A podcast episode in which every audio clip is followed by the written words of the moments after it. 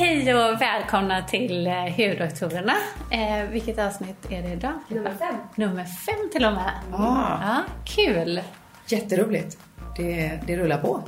Det gör det. Ja. Det gör det. Det rullar på i grårusket.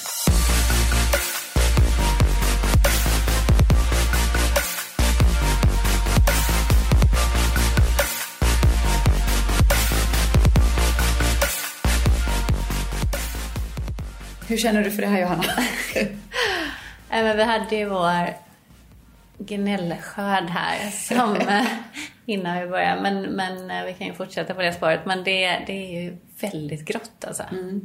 Det, jag tycker det, sånt här väder nu ska vi inte hänga ut Göteborg för vi kommer ju båda från Göteborg. Men, men det brukar faktiskt inte vara så här grått i Stockholm. Det, Nej, inte så länge heller. Nej. Nej. Nej, det är faktiskt, jag kan faktiskt hålla med dig. Det är, och det var ju, det var ju en av de fördelarna med att lämna Göteborg var ju att man slapp, det är liksom grå, grå, allt, ja, grådaskiga vädret. Men, eh, ja, nej men precis som du säger, jag, alltså, jag älskar Göteborg också. Jag så att det är älskar inte, Göteborg. Det är, inte, det är inte det, men jag älskar inte alltid vädret däremot faktiskt.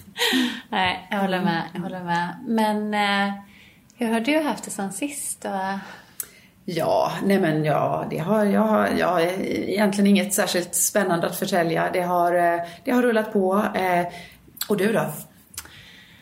också jobbat mest. Eh, vi lanserar ju boken nu, hudbibeln som kommer heta The Scandinavian Skincare Bible.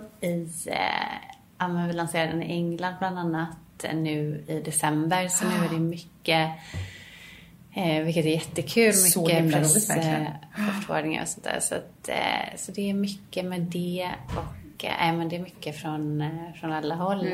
Så eh, det gäller att man kan hantera allting fastän det är ju väldigt, väldigt kul men det kan ju också bli mycket. kan bli tröttsamt ändå, även om det är kul. Jag Exakt, fattar. Ja, exakt. Ja, hur hanterar du det då? Nej men jag, jag försöker att... Eh, nej men jag ska inte sticka under stol med att det var jättetufft för ett tag sedan. Eh, men jag känner verkligen att eh, jag har hittat så smarta verktyg och också fått hjälp. Fått jättemycket hjälp. Dels har jag tagit bort alla appar från min mobil. Instagram, Facebook, allting sånt. Eh, och eh, det har varit eh, helt fantastiskt. Och notiser på mail och sådär. Att jag tar, vissa, jag tar en tid jag kollar mina mail eller jag bestämmer mig för, istället för att man gör det hela Ja, tiden. oj, oj, oj, vad bra. Ja, så himla, alltså jag kan verkligen rekommendera alla att göra detta. Eh, för det, det är, man har blivit så, utan att man märker det. Jag har ju aldrig haft Instagram förrän för kanske två år sedan. eh, När jag började med det lite mer liksom, professionellt. Och, men det har liksom kommit smygande där att man känner att man måste titta och man... Eh, det har varit väldigt positivt. Sen att man bara bestämmer sig. Man kan jobba egentligen hur mycket som helst. Men att man bestämmer sig efter klockan fem så jobbar jag inte. Eller på helgerna så åker jag iväg och... Eh, ja men, eh, vi har åkt, eh, hittat så här jättemysig stuga någonstans och varit där över helgen och bara suttit framför en öppen spis eller... Alltså Bara här- liksom ja, bara total för- avkoppling. Ja, Åh, gud vad härligt. så härligt. Vad, vad försöker du göra för att... Ja, nej men jag, jag håller ju med dig faktiskt att, att det där kommer ut i naturen och eh, är ju superavkopplande. Jag är ju inte alls, jag har fortfarande alla appar och allting och, och oj, oj, oj, det, kanske, det, är, nog- kanske något jag...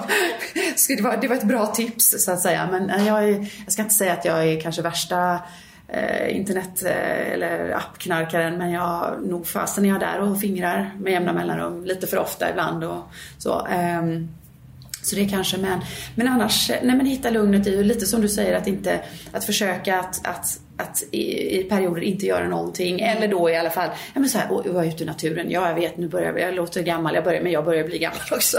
Så att, så, så här, ut, och, ut och gå i skogen, plocka svamp. Underbart tycker jag. Och nu kommer en, en, en jättehärlig period framför med fiske. Okej, berätta. Ja. Nej men jag och, eh, ja vad säger man, pojkvän. Ja, ja.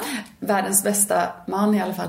Eh, vi, ehm, Ehm, nej men vi fiskar ju en, en hel del faktiskt. Och nu kommer, jag har ju hus på Gotland, så nu kommer ju det här eh, eh, öringfisket igång. Laxöringarna, eller havs, förlåt, havsöringarna. Ja, så att eh, så det är, nu är, ja, så det är helt enkelt på med vadarbyxorna, kliva ut i vattnet och eh, eh försöka i alla fall. De är inte så jäkla lättfångade. Men, ja, men det är jättehärligt och det är fantastiskt just att stå eh, en bit ut i vattnet mm. på Gotland. Det är bara vatten och det är ju vatten, förstås vatten runt omkring. Och sen är det ju en miljö på Gotland som jag älskar som är väldigt så här karg och den är ganska grå. Just alltså på den här tiden på året i alla fall. Och, och det är också det är så avkopplande och så meditativt och så oerhört, eh, ja men faktiskt häm, hämta kraft.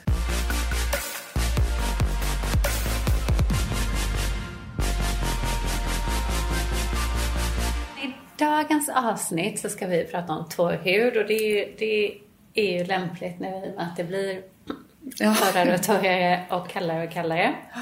Nej, men I dagens avsnitt så kommer vi dels att prata lite om faktiskt skillnaden på att bara ha vanlig torr hud och, eh, och som, kan faktiskt, som kan få enstaka eksem ibland och ha eksemsjukdomen atopiskt eksem som också heter böjväxteksem. Mm. Det kommer vi prata om. Mm. Och så kommer vi prata om hur olika hudvårdsprodukter ska vara sammansatta för att eh, ge maximal mm.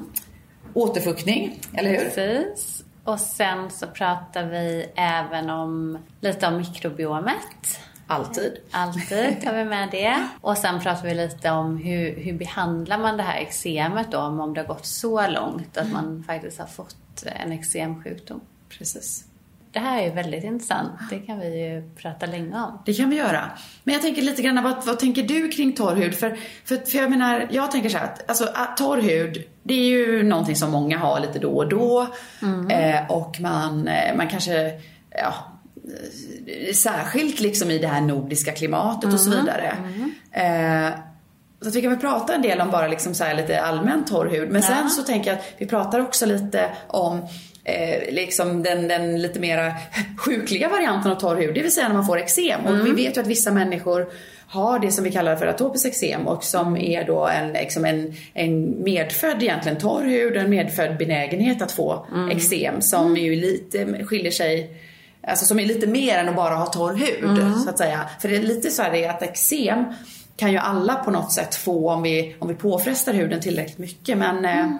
men du som är bra på det här med hudens liksom sammansättning och, och fetter och lipider och ja, vad är, mm. vad är, vad är torr hud egentligen? Eller? Vi har ju mm, hela vår barriärfunktion och det, det första first layer of defense så att säga, det är ju vårt stratum corneum, alla, alla de här som vi brukar benämna våra döda hudceller. Och hela den här barriärfunktionen, den täpper ju till så att vi inte förlorar så mycket vatten. Och det är det som ger fukt, alltså att vi har fukt inne i huden, det är det som gör en bra eh, återfuktning eller hydrering i huden. Och då har vi olika faktorer i huden som, alltså det kan vara ceramider, kolesterol, eh, fria fettsyror som mjukar upp och, och bilda den här hydrolipidfilmen och en stärkt barriärfunktion. Och vi har ju även någonting som vi kallar natural moisturizing factor som är en kombination av massa olika små fuktbindare. Det är olika salter, det är glycerin etc. Mjölksyra bland annat. Och det har vi också helt naturligt i vår hud. Men när vi till exempel olika eh, faktorer i livet, dels säsongbaserat, liksom när det blir mycket torrt och kallt både ute och torrt inomhusklimat. Mm. Då ruckas den här balansen. Dels så vet vi att vi får av någon anledning då producera mindre ceramider i huden som då påverkar den här barriärfunktionen och släpper mer vatten. Alltså att vi påverkar det som vi brukar kalla eh, transepidermal water loss. Så att man eh, liksom, fukten försvinner ut. Liksom diffunderar ut på något sätt exakt, i omgivningen? Liksom. Precis, ja, ja. exakt. För jag tänker ibland att det beror på, eller det beror bara kanske som jag inbillar mig, att, att när det är väldigt torrt, jag brukar se det som så i alla fall, att när det är väldigt torrt i mm. omgivningen, i luften och inom, som du, som du sa, mm. inomhusklimat eller när luften blir kall blir den mm. väldigt torr. Det är som att för någon form av utjämningsfunktion nästan så dras liksom fukt från, eh, från huden ut i luften. Liksom. Inte, ja. Kanske inte för att återfukta luften men, men nästan att den, den, liksom, den, den försvinner ut på något sätt till den torra luften för, att, ja, för ja, någon form av utjämningsbalans nästan. Det är så många mekanismer. Man kan, har man en genetisk benägenhet till torr hud eh, och till exempel atopisk då kan man ha olika mutationer i filagrin och olika proteiner där man har mutationer. Så det, det är en hel plethora mm. av olika mekanismer mm. som, som ger till grund för det här. Men, men det vi vet är att ja, absolut, de allra flesta i vårt, i vårt klimat, alltså norra Europa, Skandinavien, vi har en benägenhet att få lite torrare hud när det är vintersäsong. Och även när man blir äldre så får vi ju torrare hud. Så mm. man har sett också att de här ceramiderna minskar i produktion, speciellt efter 40. Mm. Och där ser man ju en, en eh, ja, ökad torrhet och det kan ju bero på massa faktorer. Antingen att det minskar då bildningen av de här substanserna, fuktbindare mm. eller ceramider. Men det kan också bero på att vi, vi har, vi vet att vi får en tunnare hud när vi åldras. Så då kanske den är mer genomsläpplig för att vi förlorar fukt. Så exakt liksom hur hur det fungerar rent specifikt, det, det är olika. För Nej men det är väl som du säger en samverkan av många, ja. många olika faktorer antagligen. Så att, eh, ja, för, för liksom lite allmänt torr hud, det, det får ju de flesta som sagt var på vintern. Eh, och i, precis som du säger i vårt klimat, för jag tänker många gånger på eh, en del människor som har flyttat hit, tror jag, från liksom sydligare breddgrader där man har ett annorlunda klimat, mm. upplever ju eksem liksom och den mm. typen av hudbesvär för första gången i det här, när man kommer till de här breddgraderna. Ja, just det. Ja, men så är det. Vi har många liksom patienter från andra länder som man frågar, men har du haft eksem tidigare? Aldrig. Men, men så liksom har de ändå så typiska det där är eh, väldigt atopiker så, att, eh, så det, det, är ingen tvekan om att det, att det kommer där eller att det, att, ja, att det bara är liksom man har, många mer människor har det antagligen, precis som du säger, lite genetiskt och att benägenhet att få torr hud men att, eh, att, det, att det kanske inte ger sig till känna förrän man, liksom man behöver ja, den Nej. här faktorn också. Jag själv, jag har så här halvtorr hud har jag, men jag har inte liksom egentligen, jag har ingen, så här, ingen atopisk benägenhet eller eksem, alltså historia av atopisk eksem eller sånt där. Men lite generellt torr hud så att man får alltid smörja in benen annars blir de lite mm, torra och kliiga. Men jag jobbade faktiskt i Norge med, med jämna mellanrum, superlångt, långt, långt norrut. Norr, ett ställe som heter Kirkenes, det ligger liksom typ Nordpolen, det känns faktiskt så. Och och där kan jag säga, jag är hudläkare där också, där har vi ju, tycker jag, jättemycket patienter som förstås har ja. mycket besvär med sina eksem och svårt att, få, att komma till rätta med eksemen. Mm. Så det känns som att utomhusluft och sådana saker har en väldigt stor eh, bety eller betydelse för det hela. Och jag, när jag åker dit så får jag så fruktansvärt torr hud på den mm. kanske en eller max två veckorna i stöten jag är där. Så, att, så det spelar roll, alltså med eh, omgivningen, spelar jätte, jättestor roll faktiskt. Och sen kan vi tänka ha olika, vi har liksom medfött olika skyddsmekanismer då. En del av oss påverkas inte lika mycket av Nej. den här torra luften. Och vissa mm. som har kanske skörare hud mm. eh, påverkas mer. Mm. Men om du har patienter eller kunder eller människor med, med, med liksom eh, torrare hy och jag tänker vad, vad är ditt, vad brukar vara dina råd liksom till, eh, mm. om vi pratar kanske de som inte har liksom eh, ja, men så här, riktiga eksem. För då, ja. då räcker det ju inte att bara kanske smörja med fuktighetskrämer och sånt där. Då behöver man ju lite mer mediciner men det kan vi ta sen. Exakt, exakt.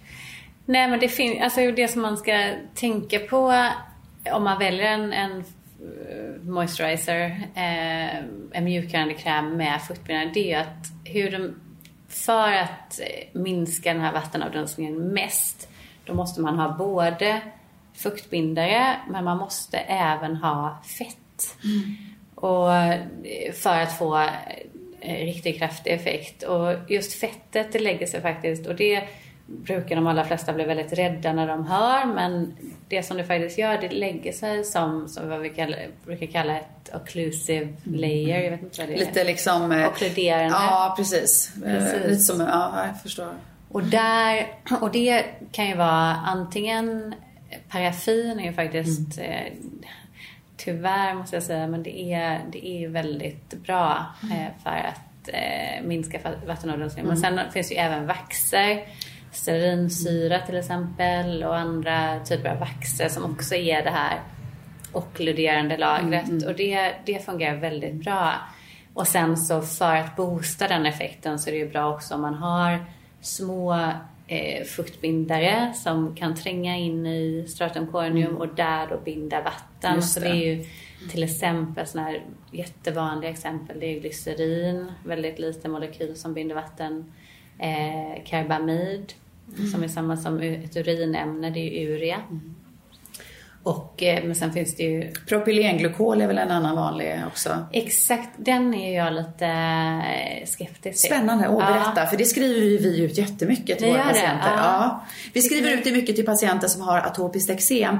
Dels för att vi har, man, man säger att den har en lite antimikrobiell effekt Ja. också. Ja. Och man vet ju att en del atopiker får eh, liksom lite överväxt av vad man Ja. säger, de egna bakterierna. Och man menar på att det då kan, kan liksom eh, eh, lite underhålla eksemet så att Ja. säga. Så att, Det där är ju, det där är ju Mm. verkligen superintressant för jag tror att propylenglykol är, det, och jag menar man brukar skriva ut i så fall ungefär nästan 20% Mm, propylenglykol. Eh, och det har en, en kraftig, skulle jag säga, antibakteriell effekt. Så att har man, det, det vi vet i atopisk dermatit Mm. är att man har eh, S. alltså Staphylococcus aureus, en tillväxt av det som är en dålig bakterie som också skapar inflammation. Och absolut, för att hämma den, jag menar man kan ju även be- behandla eksem med antibiotika. mm, ja visst, exakt. Så att eh, för att hämma det så kan jag tänka mig att, att det har effekt. Men problemglukos som så, dels kan den vara irriterande och det, det är bevisat i flera studier. Och sen Eh, finns det en nylig studie gjord där man tittar på vad är det som finns kvar i huden längst.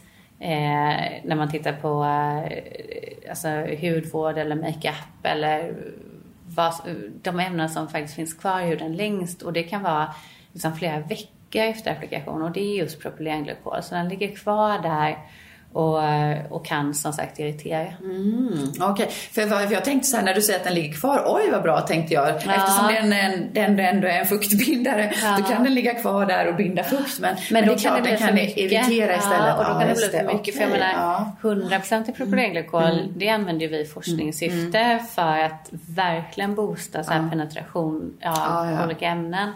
Så har du 100% i pro- propylenglykol så kan ju, det är ju inte alltid så bra. Nej, nej, det låter mycket. Ja. Okej, intressant. Ja, nej, men man kanske ska vara lite liksom, ja, försiktig. Jag har ju en annan favorit i och för sig kanske som, för, för det är som du säger, den är ju irriterande för många och det är många som upplever att den svider Ja. mycket.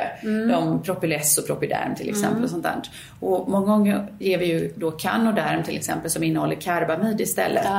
Då. Även den kan ju svida en del men, men den, eh, ja, det, du, så du, du gillar karbamid bättre än propylenglykol i alla Ja fall? men det skulle jag säga. Mm. Men kanske också att man är försiktig i de höga koncentrationerna för det, det kan ju som sagt svida. Ja, just det.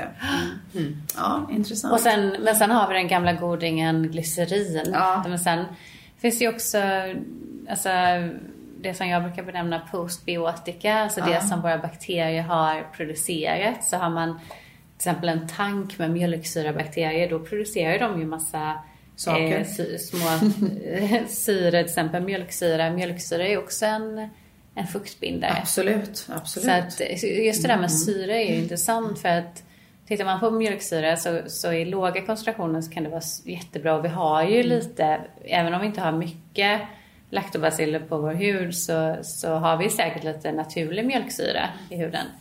Men just när man kommer upp i de här höga koncentrationerna när syrorna fungerar som eh, Tänker du lite exfolierande? Ja, eller? exfolierande. Ja, ja, lite Då- pilande liksom. Precis, Ja. då är det inte bra för en torr hud. För då Nej, tar du ju bort exakt. det här, alltså de här i stratumkorgen så, så de här ceramiderna de lägger sig som fosfolipider liksom Mm. tillsammans med kolesterolet. och, och minska då vattenavdunstningen. Och slipar man bort det, då slipar Mm, du även det. bort Ja. cyaniderna. Men just i låga koncentrationer så, kan, så har det ju också effekt. Ja, ja, ja. Och mjölksyra finns det till exempel, det finns väldigt många, men det finns ju i eh, ehm, Locobase och de där till Ja, exempel. Mm, som ju säljs ganska mycket, eh, som vi säger over the counter, alltså Mm. utan recept och sånt för till exempel hand, eh, för, för hand, händer torra händer och sådana där grejer. Så att, eh, ja men, ja, nej, men så att lagom, lagom mängd helt Ja, enkelt. Så, lagom är bäst tror jag. Jag tänkte bara kasta in en fråga. Ja, ja. Ni pratar om höga och låga koncentrationer. Vad är, vad är en hög koncentration om man ska leta efter en produkt till exempel? Ja. Ja, det här är intressant. Det här borde man egentligen jättebra Filippa. För det här, det här är ju inte helt lätt. Eh, och det är, ju, det är ju en hel vetenskap det här för att eh, alla ämnen har ju olika koncentrationsintervall. Till exempel skulle man säga en hög koncentration av retinol, då skulle jag säga att en hög koncentration är kanske 0,2 procent. Det är en jättehög koncentration. Men har du en hög koncentration av niacinamid eh, så ligger den på 4 procent.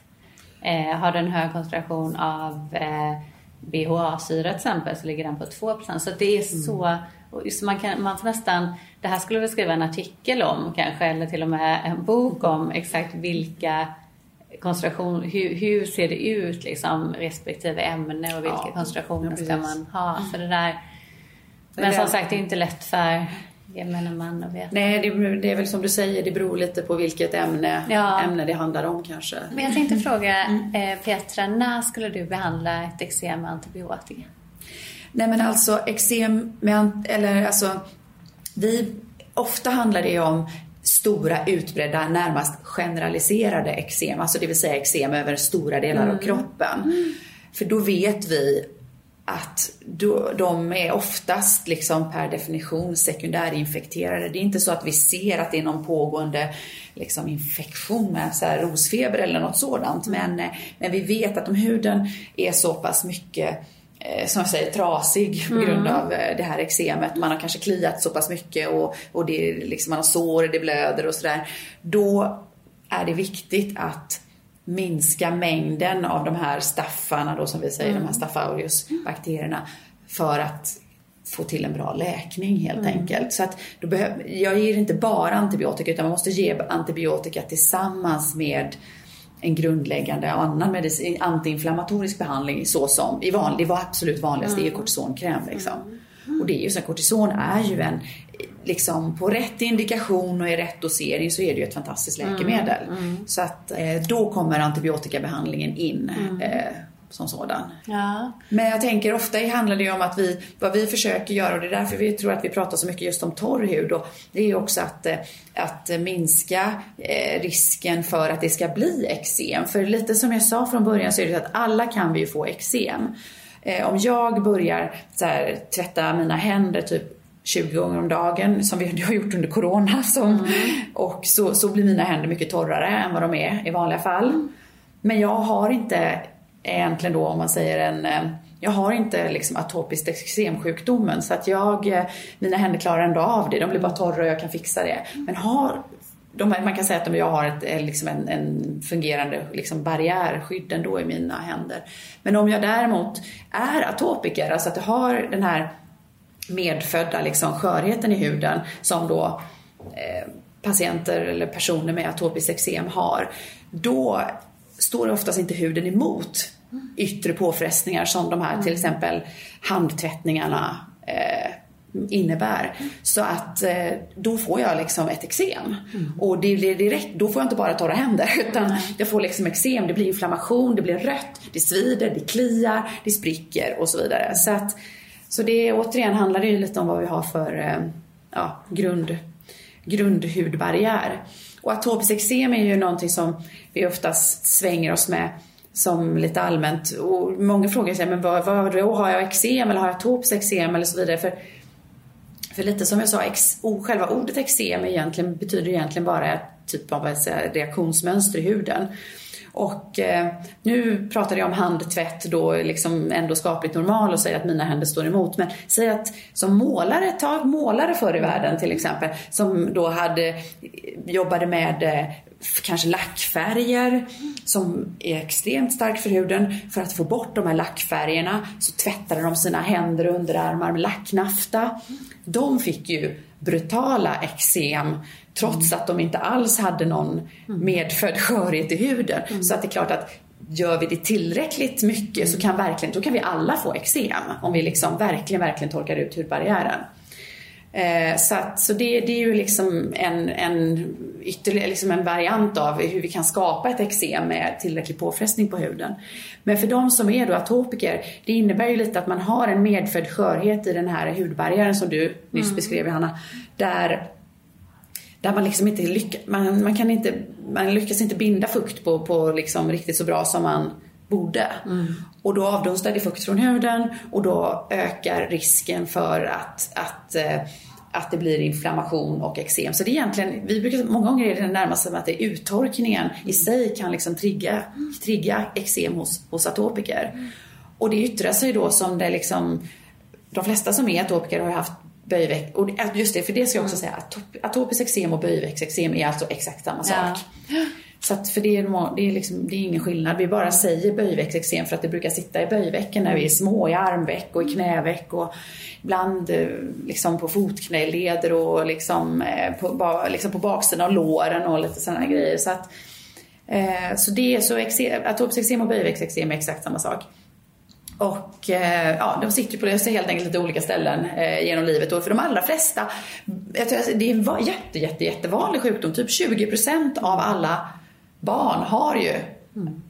mer eller mindre, lite lättare eller lite mer atopiskt eksem. Mm. Och då sitter de på de här typiska ställena. För de allra flesta, så när vi blir lite äldre, typ skolålder, då blir ju huden lite tjockare, lite kraftfullare. Mm. Och brukar, som för de flesta brukar vi säga att atopiska eksemet liksom växer bort. Mm. Och det, fast, det, fast det är en liten sanning med modifikation, för vi har fortfarande alltså vi har, vi, alltså vi, det växer bort så tillvida att vi märker inte så mycket av det längre för huden står nästan emot. Men vi har fortfarande mycket lättare att, att få liksom eh, återfall och även om vi är vuxna då, och som tonåringar, vuxna, så drabbas vi av, eh, ja men huden blir väldigt uttorkad eller om vi blir väldigt stressade, vi får sjukdomar, andra livskriser, då kan vi återigen driv, få, få tillbaks vårt gamla liksom, atopiska eksem. Så jag har många patienter som kanske inte har haft, ja de hade kanske lite eksem när de var barn och sen har de liksom inte varit något mer och så händer någonting eller det kan vara tentaläsning, ja men allting. Och så plötsligt så blossar det här eksemet upp igen. Och, eh, ja, och då kanske man inte alltid i första hand sätter i samband med att man tidigare hade atopiskt eksem. Men om man går, till, man, går man till en hudläkare som, som, som, som ställer de rätta frågorna så, så, så kan det oftast vara så att det blir liksom resultatet att det, blir, att det är någon form av upplossning av det mm. gamla eksemet helt enkelt. Så, att, eh, så liksom en gång atopiker, alltid atopiker på något sätt fast mm. man inte kanske märker så mycket av det. Mm. Det är många som lyssnar kanske undrar vad atopiskt eksem är. Mm. Finns det några speciella symptom? Är det skillnad på atopiskt eh, eksem och vanligt eksem? Mm. Finns det något som heter som vanligt eksem? Eller ska du reda ut begreppen lite grann? Jo men absolut. Och, och, det är ju lite, det är en jätte, jättebra fråga. För, för lite som jag försöker säga så är det så att eksem i sig isolerat kan, alltså med eksem, alla kan få eksem. Men de som har atopiskt eksem har ju ofta haft att det har börjat redan när man är barn. Det, det, man har generellt en torr hud och de här eksemen liksom sitter ofta på speciella ställen, till exempel armveck, knäveck. Ja. Eh, och, och de kliar intensivt.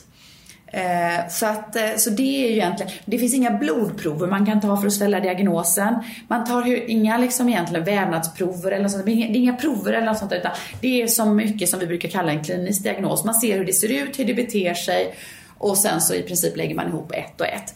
Väldigt många tror ju, särskilt kanske småbarnsföräldrar då när eksemen kommer när de är små, tror man att det beror på allergier. Det är väldigt viktigt att säga att det, det atopiska eksemet är liksom det är ändå en, det är liksom en egen sjukdom. Atopiska eksemet beror aldrig på allergier.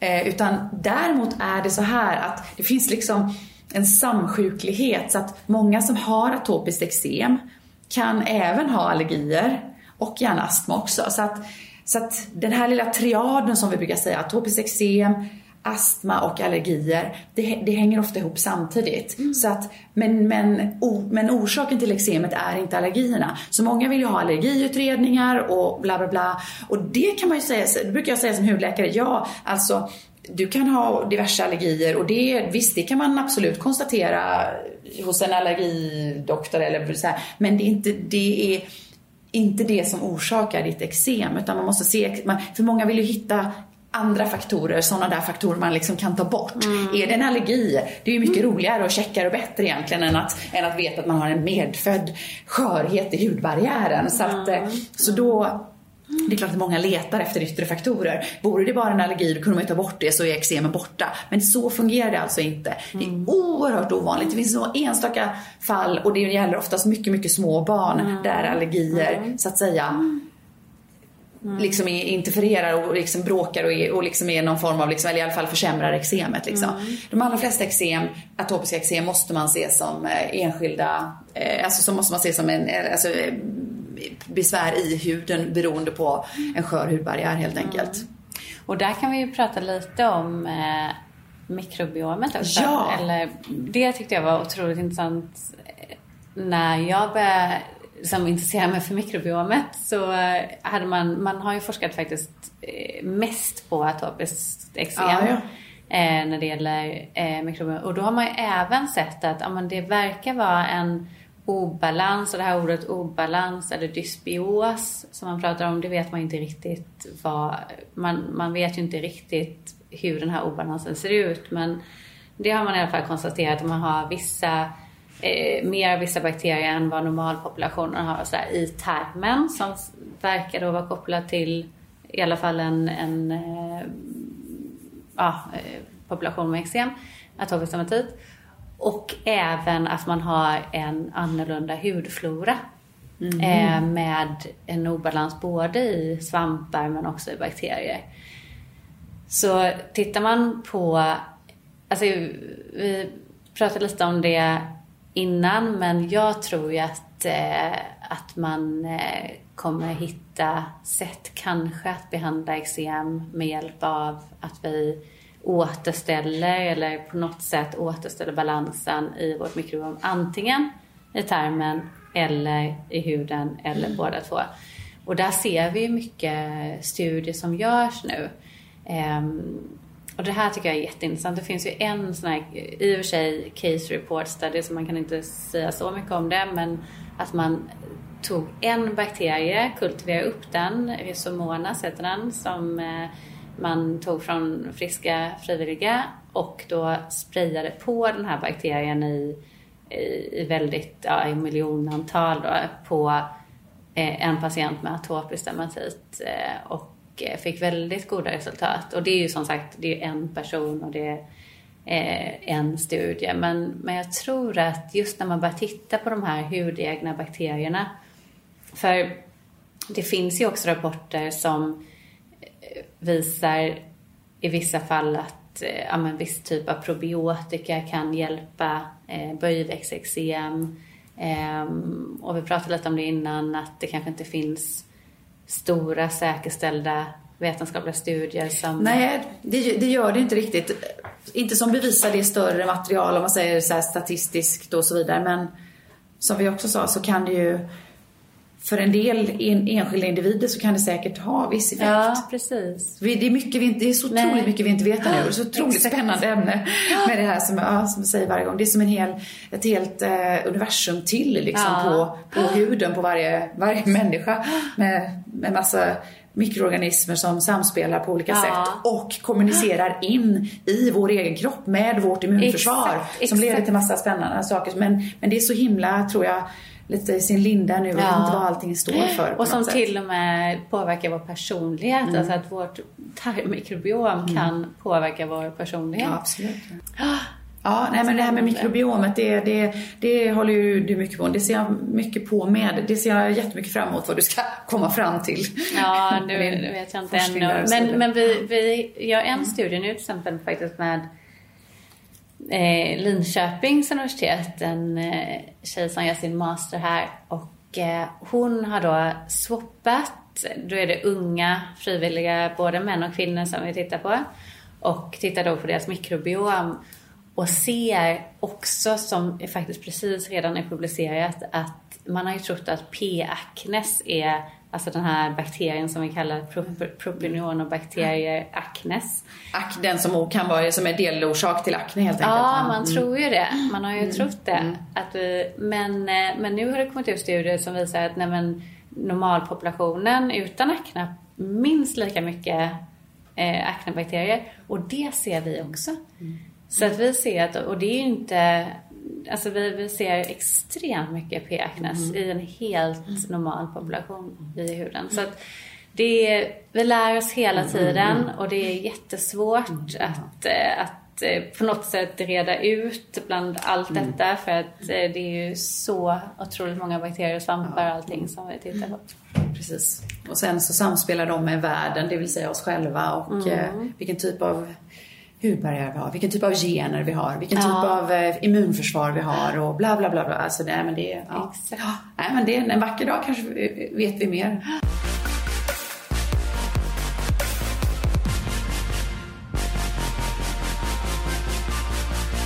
Vi pratade ju om krämer och vad man ska smörja in huden med.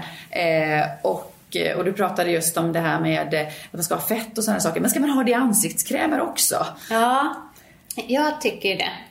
Eh, och det där är ju väldigt intressant för att man, man pratar ju nu om fettfria formuleringar och sådär. ja. speciellt om man har aknedrabbad hud och så. Ja, men, för, för jag tänker så här, ja. ja, man tror ju att fett täpper till. Ja, det är ju en ja. vanlig myt i alla fall. Ja. Jag tänker oljebaserade och, och, vad har man för baser? Paraffin nämnde du tidigare. Har man det i ansiktskrämer också? Ja, absolut. Det kan man absolut ha. Eh, det där är ju... Eh, det där kan vi prata länge om. Men, men så här är det att paraffin och vaselinbaserade produkter, det, det fungerar jättebra faktiskt för att hämma den här, för att minska vattenavdunsningen. Just det. det som kallas chul. Men sen är det ju ett problem i sig då med paraffin, att det är inte speciellt miljövänligt och det kommer ju från den petrokemiska industrin och sådär. Men det, det är fortfarande absolut eh, ett av de bästa eh, fetterna och det är inte som, man, som väldigt många tror att det är komedogent, alltså att det är akneframkallande så att säga, att man får kvisslor och sådär för att man täpper till porerna. Det, det gör det inte. Det finns ingenting som visar det. Däremot, det finns ju en hel lista med andra oljor som kan, absolut kan alltså täppa till porer och man, man får kvisslar eller finnar och så.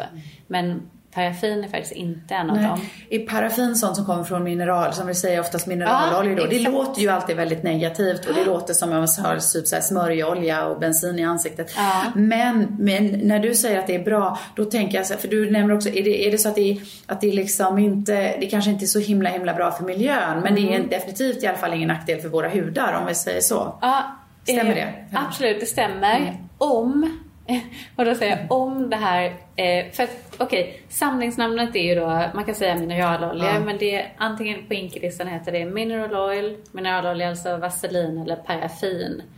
Eh, mm. Det är de tre benämningarna ah, ja. och det är ungefär samma sak. Sen kan det vara olika konsistenser. Att antingen har man en olja eller så blir det som ett vax och sådär. Mm. Nej men det skulle man ju kunna säga då att det, det är negativt för miljön för det är inte biologiskt nedbrytbart. Nej, okay. Alltså det, det kan inte brytas ner i naturen. Eh, men eh, det är inte negativt för huden. Det är fortfarande det som är, eh, har väldigt bra bevisad effekt för att minska då vattenavdunsningen om det inte är orenheter. För orenheter i paraffin det kan ge irritation. Aha. Men är det medicinskt paraffin, väldigt bra kvalitet, rent så att säga, då är det ju, då är det ju bra. Hur vet man det som konsument? Mm. Ja, där får man ju liksom lita på eh, företaget. Använder de stora kedjorna, liksom, de stora producenterna som ändå har någon form av, liksom, jag tänker på någon form av kvalitet utan att nämna några specifika vid namn, att de använder de paraffin i sina produkter till exempel? Ja, det är många ja. som gör det. Ja. Mm. Eh, absolut. Sen mm. är det ju, det finns ju små innovativa företag som nu försöker göra paraffin helt, alltså ta vegetabiliska oljor och försöka göra en sammansättning som är väldigt lik paraffinet. Det blir mycket dyrare. Paraffin är väldigt, väldigt billig ingrediens. Eh, men där har vi använder till exempel en som eh, en olja som har bevisat har lika mycket alltså minskad effekt på tjul som paraffin. Mm. Mm. Men här, jag tror det kommer hända mycket. Mm. Men som sagt, paraffinet är fortfarande ja, bra. Det är bra helt enkelt. Så, okay. Spännande. Och då kommer min lilla fråga här som jag själv får ganska då och då. Eh, om det är kallt ute, ska man ha vattenfria produkter då? Mm. Eh, alltså jag ser inte riktigt eh, med, alltså det är det här att, att det kan frysa då. Jag, jag, skulle kunna tro i så fall måste du ju redan ha det som man skulle möjligtvis vara rädd för då om man har vattenbaserade produkter det är att det ska frysa på ansiktet. Men vattnet fryser ju inte om det, är, om det är över noll grader Nej. och huden kommer ju alltid vara över noll grader. Ja. Så jag kan inte se jag kan inte se faran i att Nej, vad bra. Då har, vi, då har vi rätt ut den lilla, ja. den lilla myten. Men som sagt, det där borde man ja. kolla upp mer. Men som sagt, jag kan inte Nej. rent teoretiskt Nej, jag håller med se. Dig. En fråga. Ja. Till exempel om det är så att man använder eh, fetare produkter på ja, vinterhalvåret eller under de kalla månaderna. Mm. Kan det vara så till exempel att huden vänjer sig vid, vid den typen av produkter eller eh, hur funkar det? Eh, det här är ju en, en, fråga som, som man får mycket. Det får man ganska ja. mycket. och, eh, och jag tror att så här, det finns egentligen inte några studier som visar att, eh, att man skulle vänja sig. Eh, det kan också bero på att vem, vem skulle ha intresset av att göra de studierna? Eh, Sen finns det ju många som upplever att de tycker att de blir torrare när de slutar med mjukgörande krämer och sådär. Att, att man blir beroende. Det är många som mm. Eh, upplever den här Lypsyl-effekten till exempel. Att man smörjer sig med Lypsyl och så blir man bara torrare och torrare. Det finns en artikel som precis, en studie som precis har kommit ut. Eh, där man faktiskt har gjort, tittat på personer som använt mycket mjukgörande krämer Eh, och sen på ena sidan, de gör en sån här split face, och på ena sidan slutar de helt eh, och använder ingen produkt alls. På andra sidan fortsätter de med sin moisturizer. Och eh, vad de ser då är väldigt intressant. De ser att den här sidan som man, de inte använder någonting på, den blir väldigt torr. På dag sju så är den torr, den är eh, röd, den är liksom lite irriterad. Och det här tar ungefär tre veckor. Men på tre veckor så är faktiskt den här sidan som de inte använt moisturizer, den går tillbaka till eh, samma nivå som de hade innan på dag noll. Så att eh, mm. på vecka tre så är båda sidorna likadana. Och det är ju väldigt intressant för det innebär i så fall att huden själv då har börjat producera kanske mer ceramider och så. Exakt hur det fungerar, det vet inte jag, men jag tycker att det är intressant för att det är ändå någonting som man kanske ändå kan ja. öppna upp för diskussion. Du, ja. du tycker, du tycker ja. Nej, men jag, alltså mitt vanliga svar på den frågan, som jag också ofta får, brukar ju faktiskt, innan jag hörde det här då, nej men det, det brukar ju vara att, eh, att eh, nej, och det har i och för sig, alltså att nej, man kan inte skämma bort huden, det vill säga man kan inte få en uttorkad hud av att liksom sluta eh, smörja Eh, eller så att man skulle på något sätt förstöra huden genom att smörja den. Men egentligen så, så, så det, det som den här studien som du berättar om beskriver är ju egentligen faktiskt samma sak. För det låter ju inte som att, att det blir någon långvarig Nej. förändring utan eh, möjligen en, en tillfällig kortvarig i så fall. Medan när man i så fall, visst om man skulle säga att man, att man får en kortvarig liksom eh, Eh, tillfällig effekt av, av smörjningen i så fall. Men det ju, ändrar ju ingenting på lång sikt. Och, och det som jag funderar lite på i den här studien också, det var ju så här i så fall varför, vad hade de för hudtyp från början liksom? När de började smörja mm. sig liksom, mm. vad, var, vad var utgångsläget? Så att, eh, men det är ju intressant att man eh, att man ändå kan uppmäta någon form av skillnad även om den är övergående.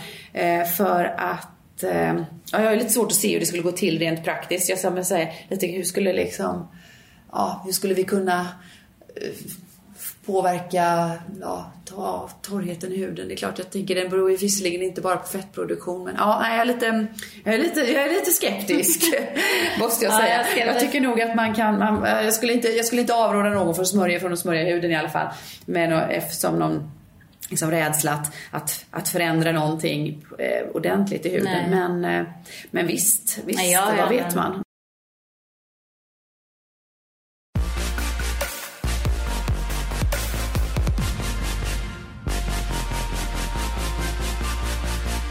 De här då som bara har lite vanliga, som vi säger lite bonexem då, de som inte har liksom atopisjukdom utan bara får eksem och lite torr hud och, och, för det händer ju med jämna mellanrum. Det är ju människor som aldrig haft eksem tidigare och så plötsligt kan man faktiskt få eksem. Man kan få ögonlocksexem, man kan få något eksem i ansiktet, man kan få eksem på händerna. Och, och, så har man faktiskt aldrig haft något eksem tidigare och man är inte den här atopikerpersonen heller. Det vill säga man har inte dessutom lite allergier och lite eh, lite astma eller sånt utan man är liksom faktiskt rätt hudfrisk och icke-atopiker och så får man ändå eksem. Och det är bara så att ja, det, och då, det händer ju ibland och då frågar ju nästan alla men varför har jag fått eksemet? Och där är ju egentligen ingen, det kan man ju inte heller riktigt veta. Det finns ju antagligen många olika faktorer. Någon tillfällig eh, uttorkning av hudpartierna eh, vi tar i ansiktet till exempel, där är ju huden väldigt tunn, ögonlock och så vidare man kan ju, man kan ju hamna i läge där det blir liksom det är torrt och kallt och det är kanske så återigen att det är många olika faktorer som råkar samverka. Vi vet ju till exempel att stress är ju också en faktor som påverkar vår hud enormt. Det har vi ju pratat om tidigare när det gäller inflammation och vi får eksem och rosacea och alla möjliga. Men det påverkar ju även det här, alltså, det som du säger, transepidermal water loss, alltså vår, alltså vår benägenhet att tappa fukt från huden. Så ju mer stressade vi blir, ju mera fukt försvinner från huden mm. också. Det, det har man också sett ja, i, i studier. Att, liksom på, ett, på en liksom neurologisk ba, ja. bas liksom, helt enkelt. Stresshormoner, sjuff, ut i ja. huden och vi tappar fukt. Och, och det säger i kombination då med kanske torrhet och annat. Ja, det kan mm. göra att vi kan, alltså människor som inte är böjväxteksem människor eller atopiker mycket väl kan eh, utveckla som eksem ändå. Mm. Så, att, så det kan alltså hända. Det, det är ju väldigt intressant att säga för det finns ju en studie som gjordes för inte så länge sedan där de faktiskt tittar på personer som eh, är väldigt stressade, antingen på grund av att de har en tentaperiod, så unga personer, eller så tittar de på en annan åldersgrupp eh, som gick igenom en skilsmässa. Så båda var ju eh, under stress, emotionell och, och psykisk stress. Och där mätte man då transepidermal water loss, alltså vattenavdunstningen fuktavdunstning i huden och såg att det var kraftigt påverkat. Ja. Så det är ju mm. otroligt mm. intressant där. Och det, det, det kommer ju till det här att, eh, men, att i alla hudåkommor så ser vi nästan en koppling till stress. Eller mm. i alla hudåkommor skulle jag säga. Skulle inte du säga så? Jo, absolut. Att, att många påverkas av stress, definitivt. Exakt. Och där är det mer mätbart för man kan verkligen titta på före och efter behandling och, och, och sådär. Men just i normal, i, ett normal, i en hudfrisk person så påverkas ju också huden av stress. Yes. Och det där är ju viktigt att, känna till så att man kan ja, men tänk, tänk, ta sig en extra funderare när man upplever att huden förändrar sig. Hur mår, hur mår man? Hur är ens välbefinnande i övrigt. Liksom. Ja. Och då kommer, då den frågan ställer man ju nästan alltid till den typen av patienter. Men då är det ju, det är ju faktiskt så att en hel del av de människorna säger i alla fall, nej men jag har ingen extra stress eller någonting. Det är inte så. Så det, det måste mm. ju inte mm. vara så. Men det kan vara en förklaring. Eh, och då kan det också vara, men det andra förklaringen kan ju bara vara liksom irritativa ämnen. Men även om man inte är liksom kontaktallergisk mot vissa kanske krämer och smink och sånt där. Så kan det vara så att man använder vissa saker som, som påverkar hudbarriären och torkar ut den. Mm. Och det är ingenting som man går att mäta. Det är ingenting som man kan ta något test för. Man kan inte göra allergitester och se det utan det är, det är andra irritativa liksom, mekanismer som gör att, och då kan man få en obalans i huden och då uppstår ett eksem. Så att det här är ju också jätte, jätte, jättevanligt. Alla har inte liksom atopisjukdom som får, ett, som får ett eksem. Men så att, så att det finns, ja, så att eksem på något sätt kan alla få men mm.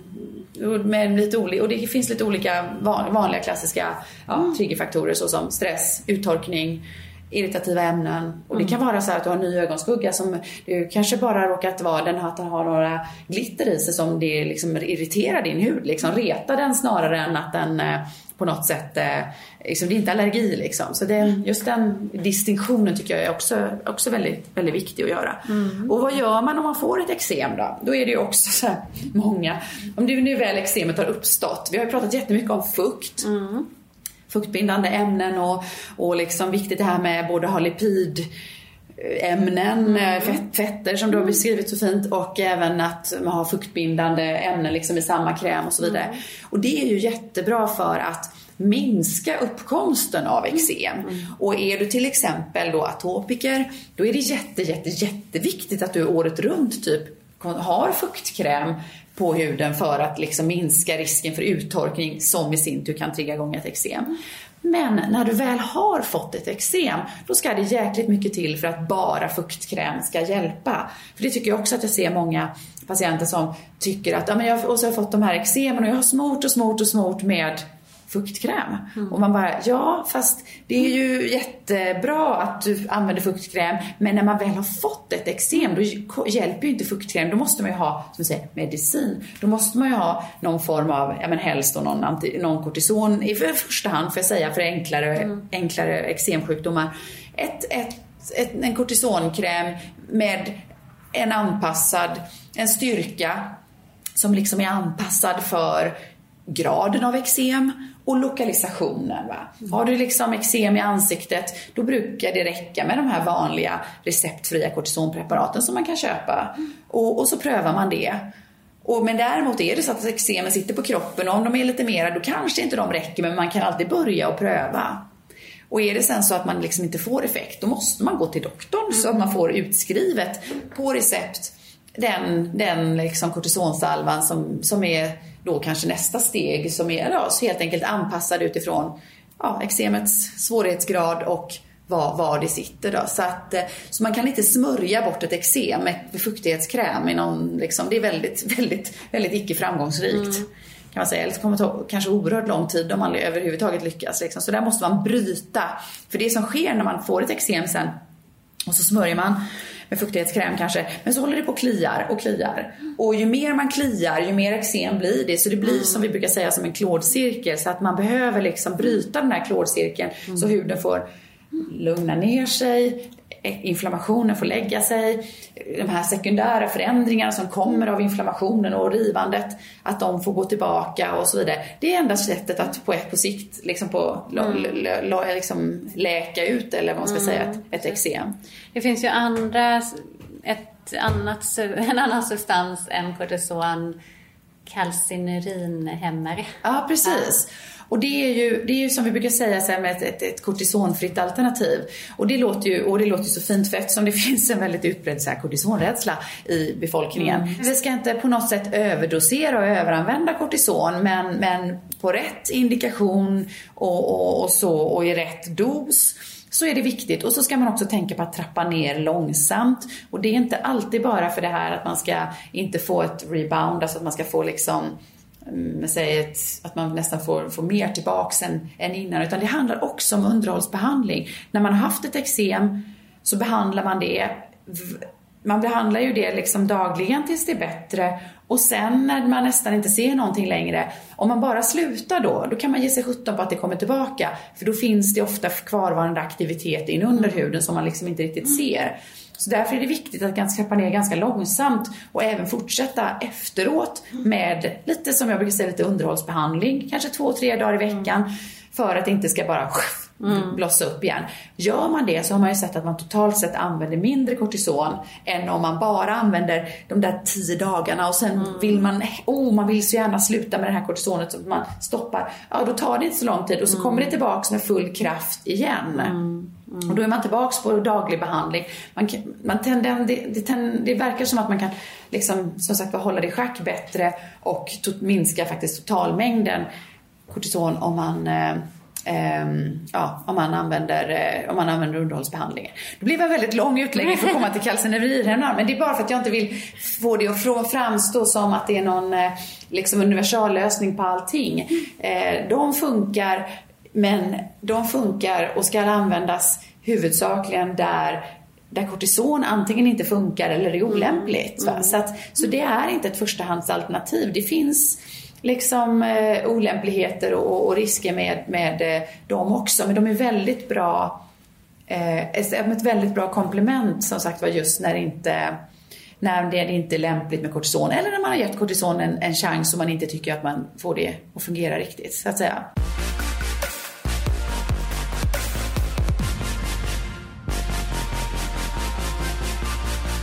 Om man använder produkter som till exempel har ett syfte att eh, anti-aging och så, finns det någonting man ska akta sig för som kan förvärra en torr hud?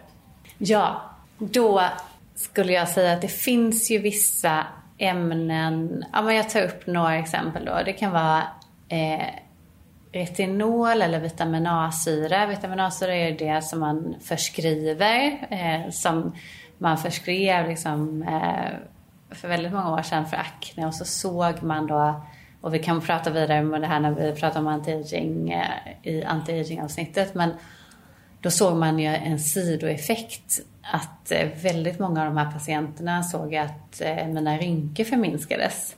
Och det här var ju fantastiskt, så det är därför för mm, kosmetikbolagen såklart. Mm. Eh, och, eh, men det var ju klassat som ett läkemedel redan, så man får inte använda det inom kosmetiken. Och därför har man använt byggstenen till vitamin A-syra som då är retinol. Men båda har ju samma effekt. Egentligen retinol har ju lite mindre effekt än vitamin A-syra. För vitamin A-syra är ju the real stuff liksom. Det, retinol ska ju förvandlas till vitamin A-syra först. Men det som det kan ge det är ju torrhet i huden. Och det, det kan man se ofta om man använder till exempel vitamin A-syra för melasma och sådär. Att det, blir, det kan bli väldigt, väldigt torrt för det slipar ju av lite av pigmentet som redan finns i huden. Eh, så, och sen också, vi pratar ju om det här med, det här tycker jag är jätteintressant att ta upp, olika koncentrationer. För att går man då för sådana produkter där man har syre i exfolierande koncentration och det är olika då, lite olika för BA och, och eh, AHA, men går man upp liksom med flera procent upp till kanske för AHA då 10 procent, någonting sånt, eller det räcker att man ligger på ett, ett par procent så, så har det ju den här eh, exfolierande effekten och då tar det också bort samtidigt det här lipidlagret som faktiskt bakar in de här koniocyterna, alltså de här döda hudcellerna som är vårt skydd. Så det, det ska man undvika om man har riktigt torr hud skulle jag säga. Mm. Nej, men det, det, kan jag, det kan jag hålla med om. Det känns ju som att om man har en väldigt torr hud så eh, skulle jag nog också tycka att det var lite läskigt att mm. lägga på. Mm retinol och annat som man vet torkar mm. ut hudbarriären ytterligare så att säga.